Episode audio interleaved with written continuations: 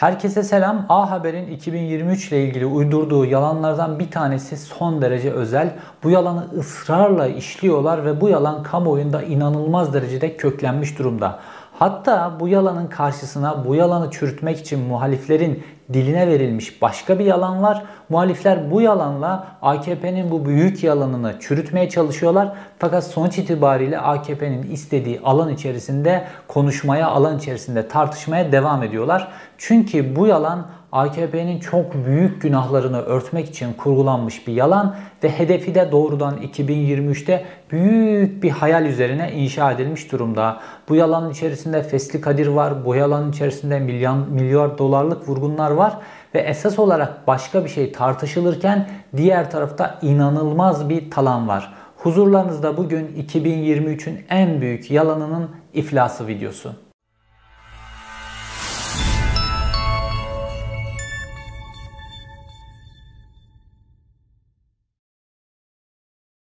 Kamuoyunda Fesli Kadir olarak bilinen Kadir Mısırlıoğlu denilen bir adam var. Bu adamın yazdığı iki ciltlik bir tarih kitabı var. İslamcıları yıllar boyunca, muhafazakar kitleyi yıllar boyunca uyutmak için bu iki ciltlik kitap kullanıldı ve bu iki ciltlik kitapta tarih tamamen çarpıtıldı ve İslamcıların uyutulması, gerçekleri öğrenmemeleri, içinde bulunduğu çöküntüleri anlayamamaları için bu iki ciltlik kitap süper bir afyondu. Bu kitaplardaki yazılanların gerçek tarihle, tarihsel gerçekliklerle hiç bilgisi yoktu. Şimdi AKP bu iki ciltlik kitabı alıyor ve A Haber'in sunucularının, metin yazarlarının, tartışma programcılarının ağzına bütün ülkeyi uyutmak için adeta bir uyku hapı gibi, mama gibi veriyor bunlara. Ve onlar da o kitapta işlenen tezleri bütün kamuoyunun üzerine boca ediyorlar. İşte 2023'teki büyük yalanlardan, 2023'te böyle aniden mucize olacak ya, madenlerimizi çıkaracağız, o bu filan bütün hepsi bu kitabın içerisindeki teorilere dayanıyor. Fakat AKP bu arada malı götürüyor. Tıpkı Kadir Mısırlıoğlu'nun yaptığı gibi bunların ideologlarından bir tanesi.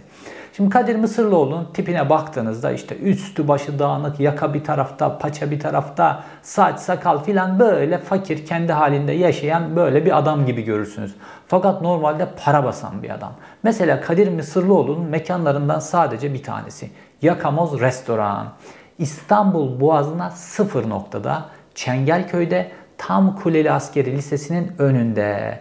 Boğaza sıfır mükemmel konumda bir e, restoran, kafe burası. Ve bu kafeyi e, İstanbul Büyükşehir Belediyesi'nin Tayyip Erdoğan'ın yönetiminde olduğu dönemde de bu kafe ayrıca da büyütülmüş. Denize 250 metrekarelik kazıklar çakılarak bu kafenin alanı büyütülmüş. Düşünün adam İstanbul Boğazı'nın göbeğine, Kuleli Askeri Lisesi'nin dibine 250 metre karelik bir gece konduğu yapıyor İstanbul Boğazı'na sıfır vaziyette ve kimse bu adama dokunmuyor. Ne kadar enteresan değil mi? O dönemde 28 Şubat'ın generalleri var. Generaller çok kuvvetli. İşte Kadir Mısırlıoğlu denen adam sürekli Atatürk'e hakaret ediyor vesaire.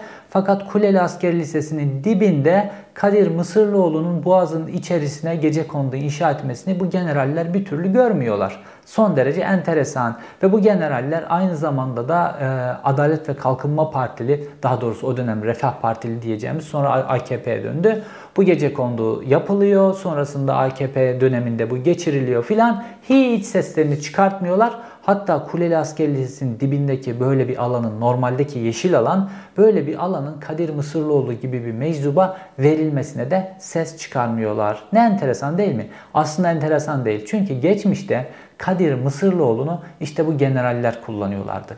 Toplumda işte laik, dindar gerilimi yükseltilmek istediğinde bu Kadir Mısırlıoğlu ortaya çıkıyordu ve Atatürk'e hakaret eden bir yazı yazıyordu. Hakaret eden bir konuşma yapıyordu ve toplumda tansiyon yükseliyordu. Fakat bu adam hiç böyle hapislerde sürünmüyor, başına işler gelmiyor filan. Şimdi bir tane tweet atıyor bir tane 15 yaşındaki genç hemen Cumhurbaşkanı'na hakaretten, yok Türklüğe hakaretten ondan bundan cezaevine tıkılıyor. Ama Kadir Mısırlıoğlu böyle bir dokunulmaz bir adam ve işler yürüyor. Darphane gibi para basıyor. Yakamoz restoranı ve başka mekanları.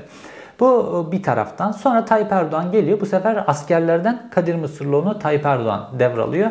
Bu sefer de Tayyip Erdoğan kamuoyunda gerilimi yükseltip kendi tabanını konsolide etmek istediği zaman bu sefer de Tayyip Erdoğan Kadir Mısırlıoğlu'nu kullanıyor. Bir anda yine hakaret ediyor Atatürk'e vesaire. Bu şekilde Tayyip Erdoğan da işte dindar buna karşı tabii laikler tepki gösteriyorlar. Sonra Tayyip Erdoğan gidiyor bak işte bunlar gelirse başınızı açacaklar filan kamuoyunu korkutuyor.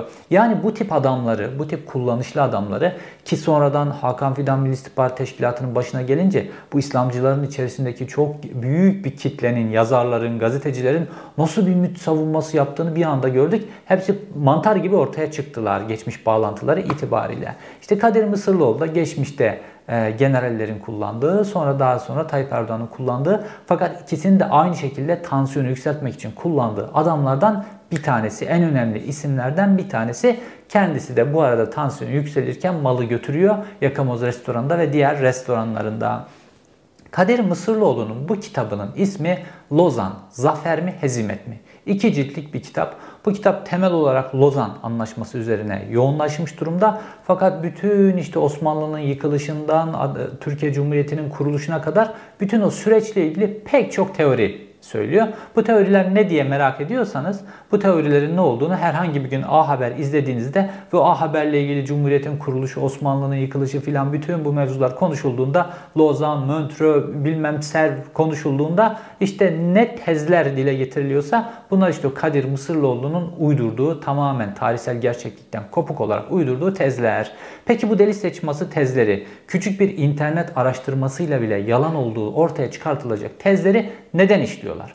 Baktığımızda A Haber'in böyle kadrosu var ya böyle A Haber, işte Takvim Gazetesi, Sabah Gazetesi'ndeki kritik pozisyonlar daha doğrusu yandaş medyanın tamamındaki yöneticilere baktığımızda böyle yarı deli tipler. Böyle yarı deli tipleri yandaş medyada hep kritik noktalara getirdiler. İşte televizyonları onları çıkartıyorlar filan.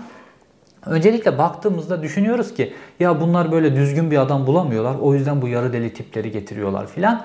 Oysa öyle değil. Bu Adalet ve Kalkınma Partisi'nin 2009'dan sonra uygulamaya başladığı bir politikaydı özellikle ve bu tip adamları getirdiler. Çünkü toplumu bir şekilde uyutmakla ilgili bir strateji geliştirdiler. İşte o dönem Hitler'in Kavga kitabı bunların arasında çok meşhurdu falan vesaire. İşte Savaş Sanatları kitabı bunların arasında çok meşhurdu filan. Bu, bu kitaplarda temel işlenen şey uyutma ile ilgili bir strateji ve bu uyutma stratejisinde de işte eğlence kanallarının açılması mesela Acun Ilıcalı vesaire bunların önünün açılması bir şey.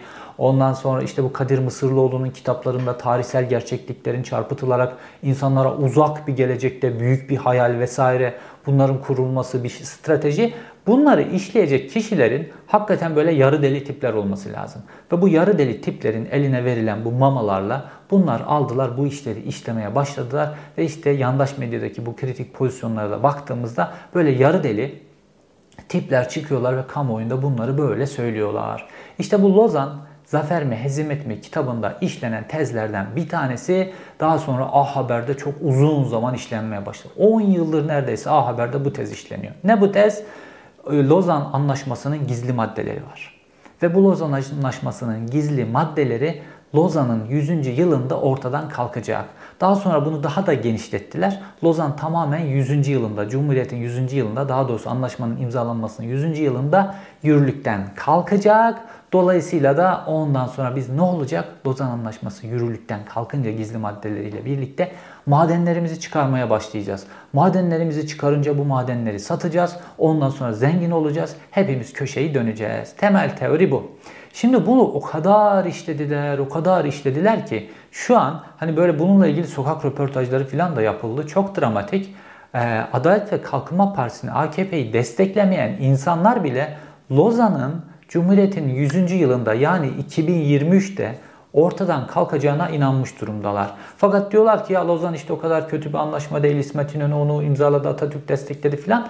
Fakat temelde bu anlaşmanın kalkacağına inanmış durumdalar. Niye? Sürekli ısrarla bunu işliyorlar. Ve bunun karşısına da başka bir yalan oluşturuldu. Buna birazdan geleceğiz. Önce bu Lozan Anlaşması'yla yalan ilgili yalanları tek tek çökertmemiz lazım. Çünkü bu e, gelecekte kurulmuş bir hayalin peşine kitlelerin gitmesinin en önemli sebeplerinden bir tanesi. Şimdi burada size enteresan bir örnek vereyim ben kendi hayatımla ilgili. Biliyorsunuz ben işte 2015 yılında Nokta Dergisi'nin bir kapağı nedeniyle tutuklandım. Sonra o kapak nedeniyle 22,5 yıl hapis cezası aldım vesaire. Sonra bu sebeple de Türkiye'yi terk ettim. Nasıl işte hakkımda yakalama kararı vardı. Kaçak yollarla Türkiye'yi terk ettim. Şimdi Türkiye'yi terk ederken kaçak yollarla tabi sınırı kaçak yollarla geçmek mümkün değil. Bunları anlattım. Nasıl mülteci olduğum, Cevher Güven kimdir videolarında bunların hepsini anlattım.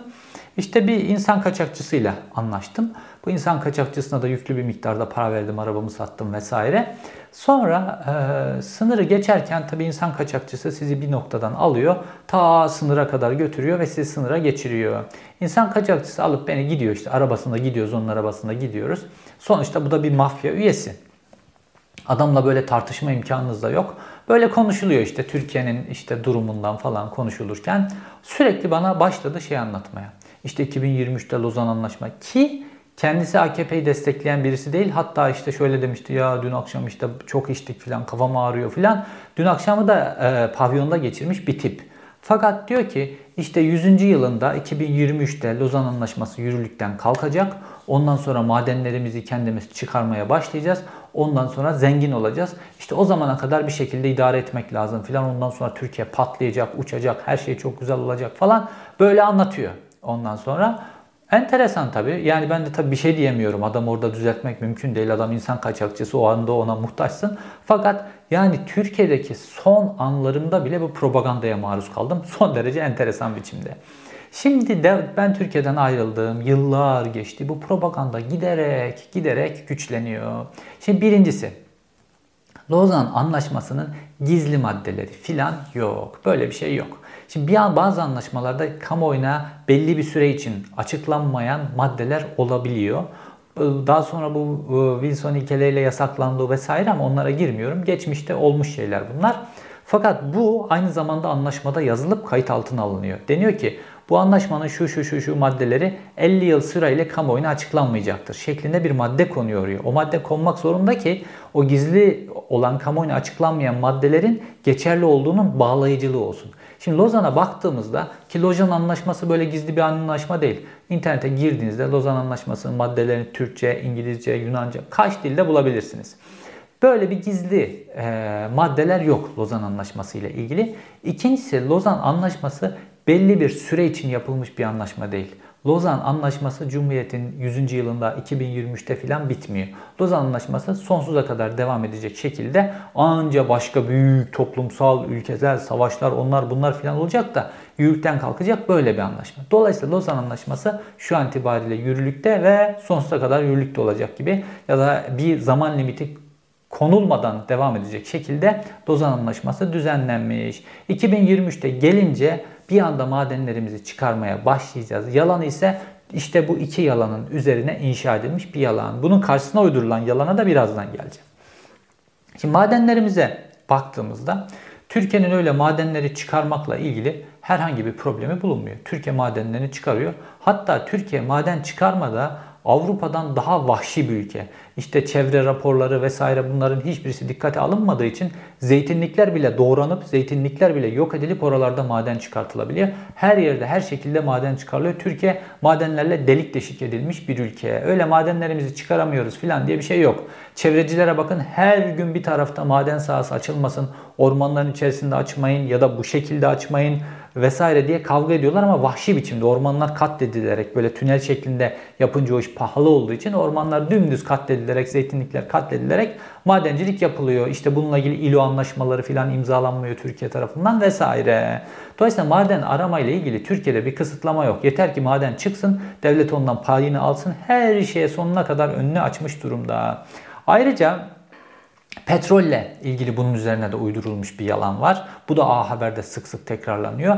İşte aslında Türkiye'nin petrolü varmış. Bak işte 200-300 kilometre o tarafta Musul'da, Kerkük'te vesaire ne kadar petrol çıkıyor da niye Şırnak'ta Hakkari'de bir petrol çıkmıyor diye bir teori var.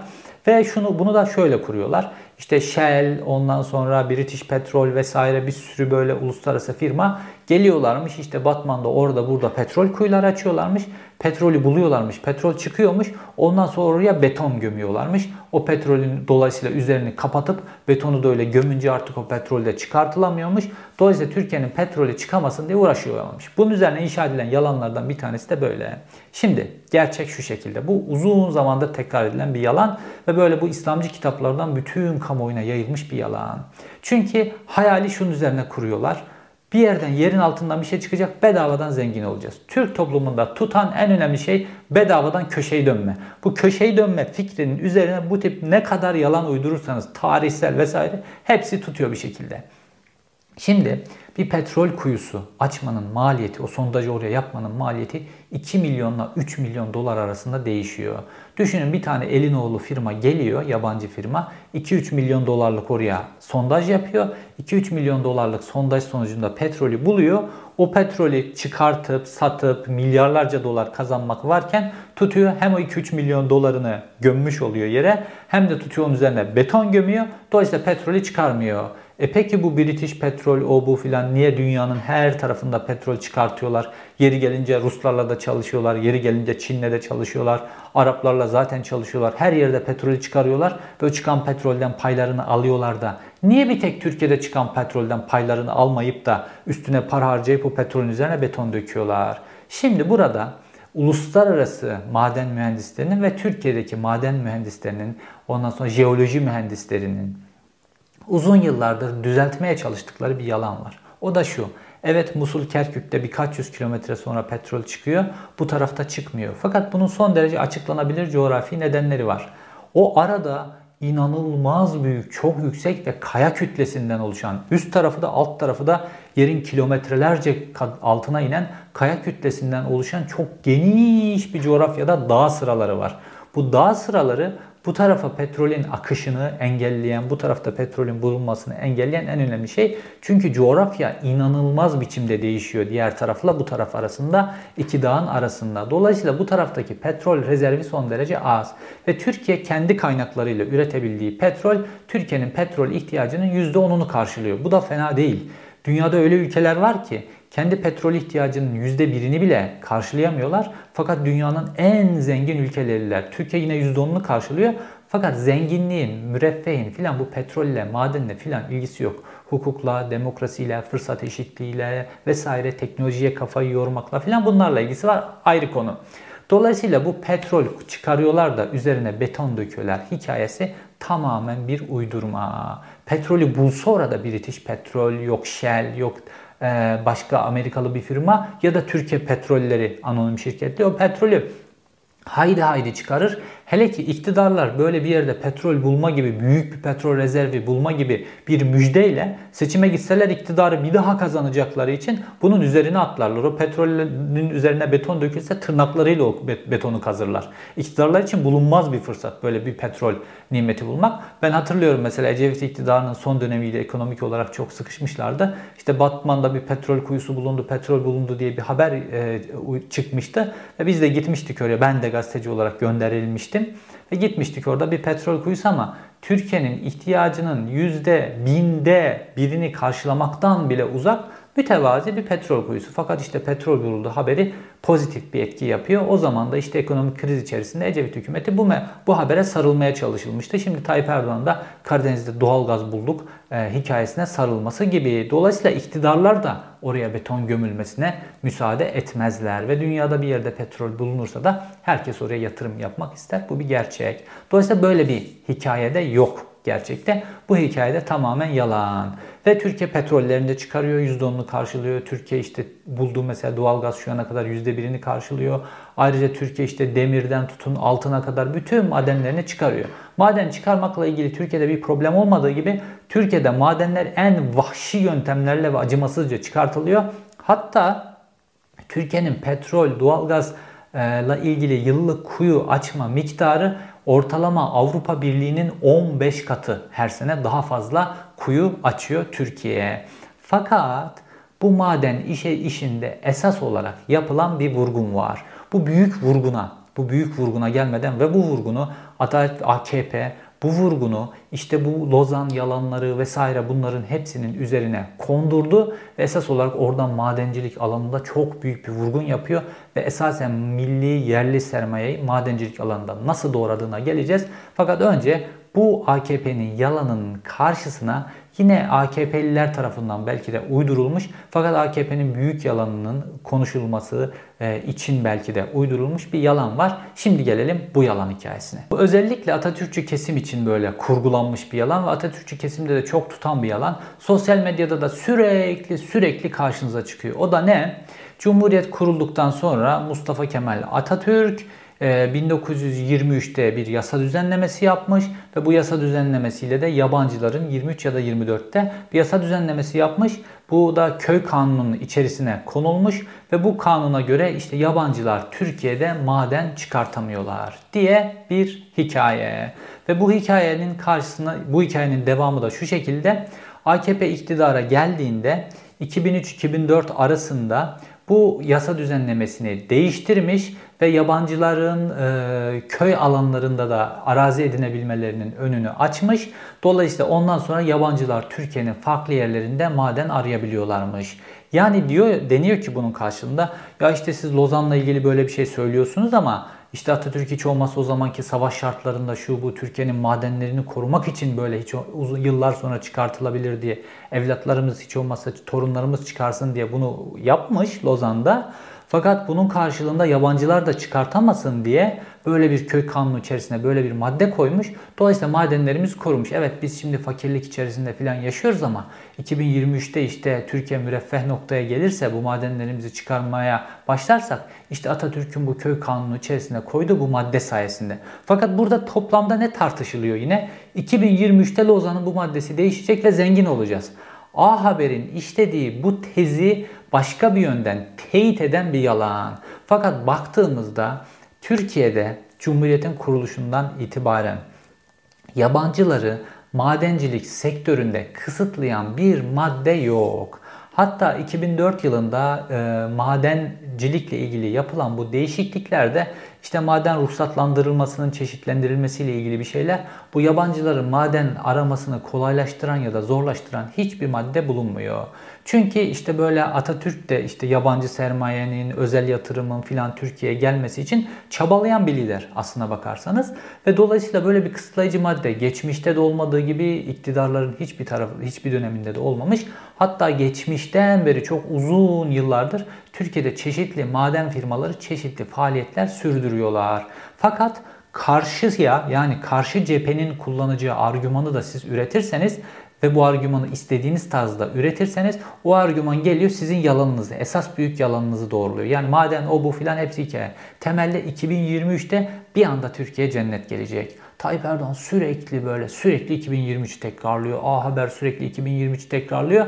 Çünkü bu nereden? Bu işte diktatörlerle ilgili az önce saydığım kitaplar var ya. Bu kitapları kendilerine rehber edindiler. Adeta kutsal kitapları haline getirdiler. Hatta bir keresinde Tayyip Erdoğan başkanlık sistemi tartışılırken şöyle demişti. Ama Hitler öyle yapmamıştı filan demişti. Yani böyle ezberlemişler neredeyse.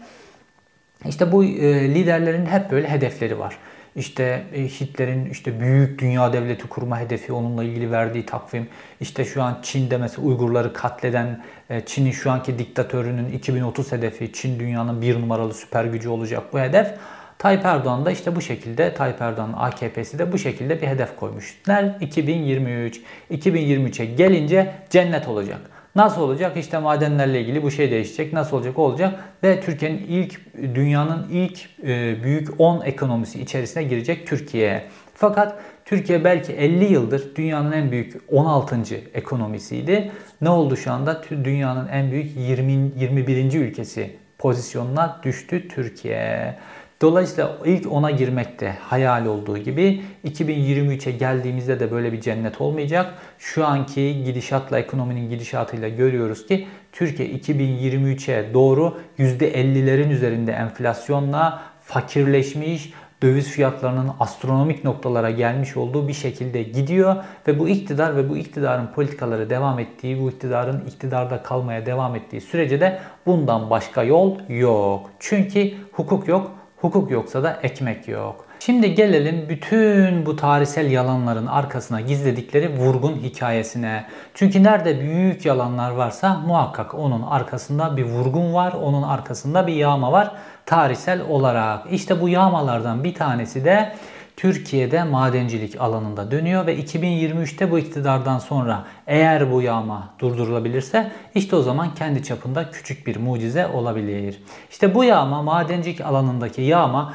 Türkiye'de bir vahşi biçimde bir madencilik yapılıyor ve bu madenlerin pek çoğu da yabancı firmalara veriliyor Nasıl veriliyor? Komisyonlar karşılığında veriliyor.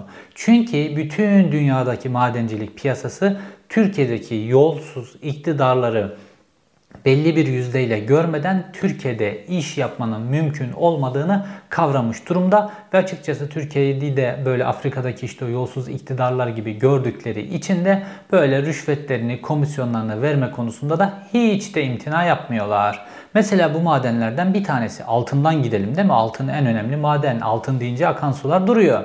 Şimdi Türkiye'nin en önemli ve en büyük altın çıkartan firması Akın İpek'e ait maden firmasıydı. Ve Akın İpek'in madenleri özellikle altın alanına yoğunlaşmışlardı ve Türkiye'nin farklı bölgelerinde işte altın çıkartılıyordu hatta petrol bulduğu da oldu. Ve bu madenler daha sonra 15 Temmuz hikayesinden önce başlamak üzere el konulmaya başlandı. Şimdi Türkiye'de tarihsel olarak baktığımızda büyük siyasi kırılmaların olduğu anlar vardır. Bu siyasi kırılmaların hemen hepsinin arkasında sermayenin el değiştirilmesi yağma vardır. İşte bugün Türkiye'nin o büyük zengin ailelerine baktığımızda 1950-60 arasındaki işte bu Rumların mallarının yağmalanması, fabrikaların el konması vesaire bütün bu hikayelerin hepsinin aslında bu böyle milliyetçilik şeklinde yükseltilen tansiyonun hepsinin altında bir yağma hikayesi olduğunu görürsünüz. Aynı şekilde Sırı Rüya Önder de bunun üzerine çok çalışmıştı. Mesela işte Maraş'ta Alevilerin katledilmesi hadisesine de baktığımızda bunun altında o bölgedeki ekonomik olarak daha varlıklı Alevi eşrafların mallarının yağmalanması hikayesi olduğunu görürsünüz. Türkiye'de Osmanlı döneminden beri böyledir. Büyük e, siyasi kırılmaların altında muhakkak bir ekonomik yağma, sermayenin el değiştirilmesi hikayesi vardır. Şimdi 15 Temmuz hikayesinde de işte biliyorsunuz cemaate yakın iş adamları var. Bunların belki 50 milyar doların üzerinde mal varlıkları var. İşte cemaatin okullarını, yurtlarını filan bunları filan kapatmak bir ayrı bir tarafa. Fakat bu iş adamlarının mal varlığını ellerinin el koymak için de böyle büyük bir siyasi hikayeye ihtiyaç vardı. Ve bu Akın İpek'in altın madenlerini ellerinden aldılar, elinden aldılar. Sonra ne yaptılar bunu? Mesela bu maden sahalarından, altın sahalarından bir tanesini Kanadalı bir firmaya devrettiler. Fakat arada komisyonu götürmeleri lazım. Nasıl götürecekler komisyonu? Kanadalı bu firmaya bu altın madeninin yanına bir ortak koydular. O da Remzi Gür'ün sahibi olduğu Ramsey Holding'i bunun yanına ortak olarak koydular. Peki Remzi Gür'ün bu anlaşmada iş tanımı ne? Oraya makine yatırımı mı yapacak? Altın rezervinin bulunmasında bir yatırım mı yapmış? Normalde bir, bir yere bir tane sondaj yapmak birkaç milyon dolar mı buluyor? Böyle bir yatırım mı yapmış? Hiçbir şey yok. Bu yatırımlarla ilgili de bir yükümlülüğü yok. Zaten rezerv bulunmuş, tespit edilmiş. Koza Holding'in elinden alınmış. Ne yapacak Ramsey Holding'in iş tanımı ne? Kamuyla, bürokrasiyle olan işleri halletmek, kağıt işlerini halletmek. Yani hiçbir yatırım yapmadan sadece bürokrasiyle olan kağıt işlerini halledecek ve bunun karşılığında da %20 alacak o madenden. Tabi Ramsey, hani Ramsey'i biz nereden biliyoruz? Tayyip Erdoğan'ın çocuklarını Amerika'da bedava bursla okutan iş adamı var ya, oradan Tayyip Erdoğan'ı bağlamış. Bu Ramsey Holding orada emanetçi. Aslında bu %20'yi Tayyip Erdoğan alıyor. Ve Türkiye'nin pek çok alanındaki madenlerinde de hikaye bu. Esas olarak şimdi yabancılara bu şekilde devrediliyor. Fakat yabancı, yerli sermaye vesaire bunların hepsi işletebilir. Kamu buradan gerekli payını alıyorsa, bu Türkiye'de yatırıma dönüşüyorsa vesaire. Fakat tabii ki yerli sermayenin, yerli iş adamlarının özellikle sermayenin ülke içerisinde kalması nedeniyle tercih sebebi olması lazım. Fakat Tayyip Erdoğan'ın bu umrunda değil. Türkiye'nin en önemli madencisinin mal varlığına çöktü ve onun bütün mal varlığını şimdi yabancı sermayeye peşkeş çekiyor. Neden? %20, %30 komisyon karşılığında yanına paravan bir şirket koyuyor, tabela bir şirket koyuyor ve %20, %30'u götürüyor. Bu çarkı daha da büyütebilmek için tuttular madencilik alanında e, arama ruhsatıyla çıkarma ruhsatını birbirinden ayırdılar. Düşünün siz bir maden arıyorsunuz bir alanda. Her bir aramaya birkaç milyon dolar para harcıyorsunuz. Ve sonunda bir sahada maden buluyorsunuz. Ondan sonra madeni çıkarmanız lazım değil mi? Bulmak için ona o kadar milyonlarca dolar para harcamışsınız. Eleman çalıştırmışsınız o bu filan sürekli olarak makine parkı tutuyorsunuz bulabilmek için vesaire. Fakat hayır çıkarma ruhsatına ayrıca başvuracaksın dediler. Şimdi çıkarma ruhsatına başvurduklarında işte Tayyip Erdoğan Bilal Erdoğan'a diyor ya merak etme kucağımıza oturacaklar. İşte kucağa oturtma hikayesi burada başlıyor. Çıkartma ruhsatı ile ilgili gidip başvuru yaptığınızda diyorlar ki size bizi buna bir %20, %30 bir ortak yap diyorlar. Yapmazsan çıkarma ruhsatı sana vermiyorlar. İşte yerli madencilerin biri bu bazıları bu alanlara dur dediği için onlara çıkarma ruhsatını vermediler ve çıkarma ruhsatını kendilerine %20, %30 peşkeş vermekten hiç çekinmeyen zaten Afrika filan gibi coğrafyalardaki madenlerde bu işlere alışık uluslararası sermaye ile anlaştılar ve Türkiye'nin en önemli maden sahalarını bunlara verdiler. Onlar da bu madenlerin çıkartılmasıyla ilgili vahşi biçimde arama yapıyorlar. Bu madenlerin çıkartılmasıyla ilgili böyle e, ILO sözleşmelerine filan kendi ülkelerinde uymak zorunda kaldıkları ILO sözleşmelerine filan uymuyorlar. Oysa Türkiye ILO sözleşmesini imzalamadığı halde İpek Holding ILO sözleşmesini imzalamıştı. Kendi madenlerinde bu çevre kurallarını uyguluyordu. Fakat esas olan yağmadır yağma yapılacaksa önce burada tarihsel yalanlar uydurmanız lazım. İşte Türkiye bu tarihsel yalanlarla kamuoyu peşinde sürüklenirken bu tarafta esas yağma işi devam ediyor. Peki kamuoyu bu yalanlara neden inanıyor? Gelelim işte bu noktaya. Burası mühim. Şimdi Türkiye'de yıllardır oturmuş bir köşeyi dönme zihniyeti var.